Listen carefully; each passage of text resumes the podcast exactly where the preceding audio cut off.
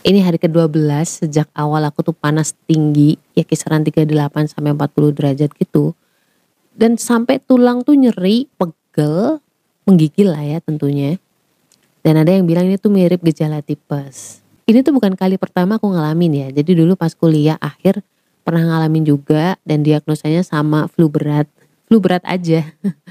Tapi itu bener-bener yang gak bisa berdiri, limbung, imbalance gitu. Gak seimbang gitu lah tapi aku harus tetap masak buat anak-anak karena mereka kan juga masih sehat. Waktu itu aku duluan yang sakit. Harus tetap mandiin mereka nyuapin nyebokin ya. Kayak ngerasanya tuh kayak lebih berat aja. Mungkin karena harus ngurus anak-anak juga. Dan hari kedua itu berdirinya masih limbung masak nasi goreng dong ke mana-mana ininya. Plus indera perasa serta penciumanku tuh bener-bener yang mati total Assalamualaikum warahmatullahi wabarakatuh. Hai, ini Ria. Kamu lagi ada di podcast Self Healing, podcastmu yang sedang belajar berdamai dengan luka melalui psikologi Islam. Pengen naklukin diri sendiri atau pengen naklukin hati golongan darah B, wajib banget baca. Jangan deketin golongan darah B sebelum miliki buku Beauty in Abyss ini tenang aja karena bahasanya tuh bukan yang ilmiah-ilmiah banget. Ada cerita, ada narasi tapi nggak sepanjang novel-novel drama atau sastra. Cuman 25 ribu. Link pembelian terlampir nih.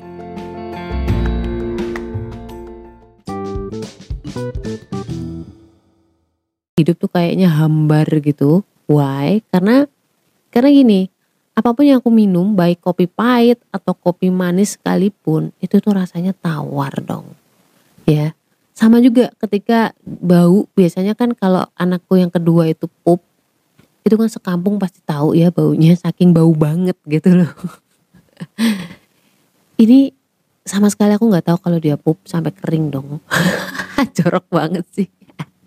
Tapi beneran sampai sampai segitunya gitu dan aku mencoba mencium minyak kayu putih, GPU ya, minyak serai dan bau-bauan yang menyengat lain tuh nggak ada, nihil. Nihil sampai aku tempel-tempelin ke hidung tuh sama sekali nggak ada. Agak tertolong karena kakak, si kakak itu nggak nggak uh, maksudnya masih penciumannya masih bener gitu. Jadi kadang-kadang, mah adek ee -e, gitu, mah adek pup. Ya kayak gitulah. Nah sedihnya tuh anak-anakku juga ikutan tertular walaupun gak berberat berbarengan. Adiknya dulu baru kemudian kakaknya. Cuman ketika tahu anak-anak sakit tuh kayak sakit di diri kita tuh udah gak kepikir lagi gitu. Harus tetap bangun, harus tetap ini itu ya gak. Harus ngurus anak. Bukan pura-pura kuat tapi beneran yang udah gak kepikir gitu loh diri kita tuh.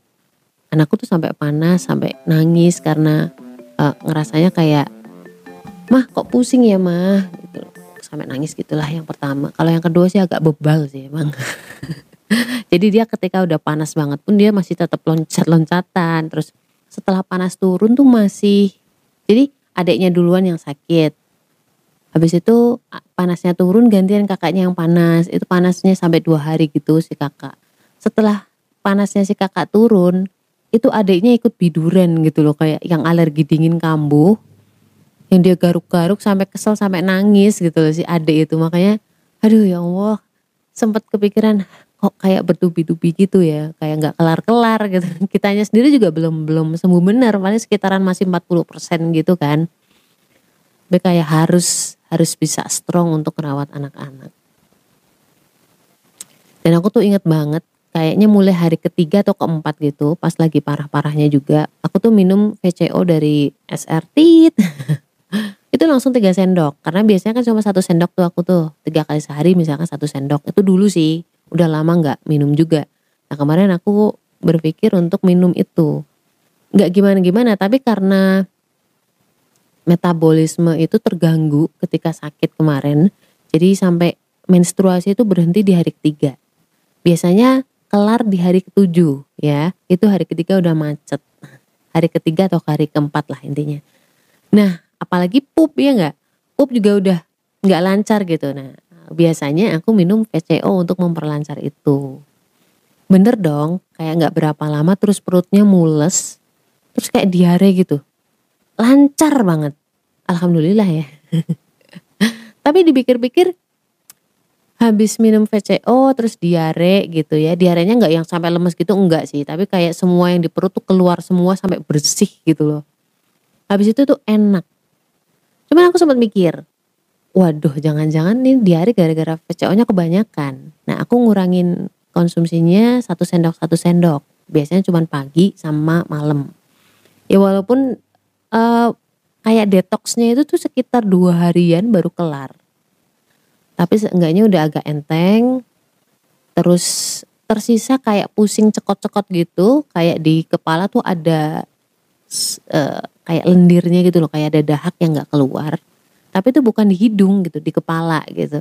Jadi kalau misalkan lo tidur posisinya nggak pas itu kayak eh, nggak uh, enak banget lah di kepala. Hidung juga kayak pedes gitu loh. Nah, itu yang aku rasain.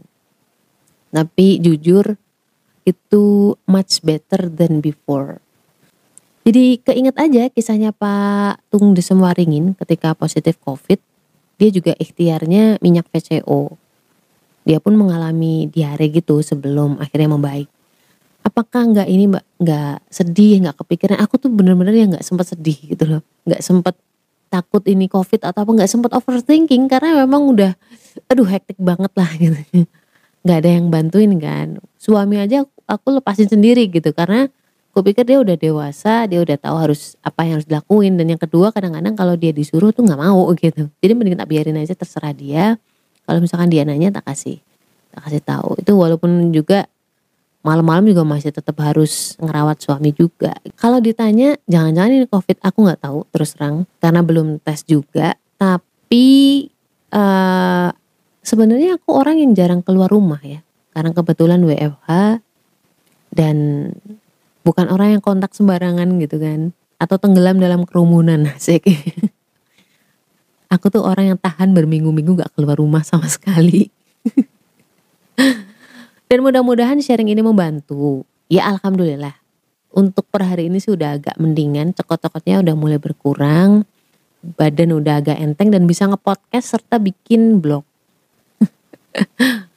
dan oh ya satu lagi anehnya nggak ada ingus sama sekali. Ya sama sih kayak dulu yang pas didiagnosa cuman flu berat.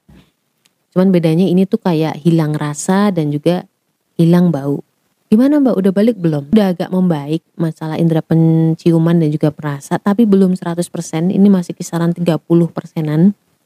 Karena kalau nggak deket banget itu nggak kecium juga baunya. But at least aku udah agak bisa ngerasain rasa masakan lah asin gitu kan.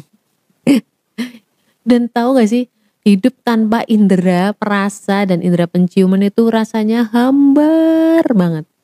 Makanya ada yang bilang anosmia atau hilangnya indera itu, itu bisa bikin orang depresi. Karena beneran yang kayak hening gitu. Masya Allah ya. Allah itu ngasih indera penciuman perasa kelihatannya sepele tapi itu berarti banget. Tambahan, selain VCO juga kami tetap mengonsumsi kayak obat-obatan, paratusin, yang ada paracetamolnya lah. Penurun panas terus vitamin juga ada, tapi aku lupa vitaminnya apa. Ada juga madu hitam plus, uh, plus propolis. Waktu itu gak terlalu sering sih, tapi sesekali. Bukannya maksud ngiklan, cuman kan harus apa ya, gue harus cerita juga yang lain gitu. nanti dikira pilih kasih cuman ke VCO doang. Positive thinking perlu banget walaupun memang agak susah ya aku darulah semuanya sakit jadi nggak sempat bernegatif thinking. Ya sempat uh, agak ngerasa kok nggak kelar-kelar ya gitu. Padahal baru seminggu. Waktu rasanya berjalan lama banget. Jadi apa pun mungkin kamu yang sekarang lagi sakit kemarin aku mengamalkan hasbi Allah wa nikmal wakil. Jadi begitu berat rasanya aku ucapin itu cukup bagi kita Allah. Mudah-mudahan Allah kasih kita kekuatan. So stay love and Assalamualaikum warahmatullahi wabarakatuh.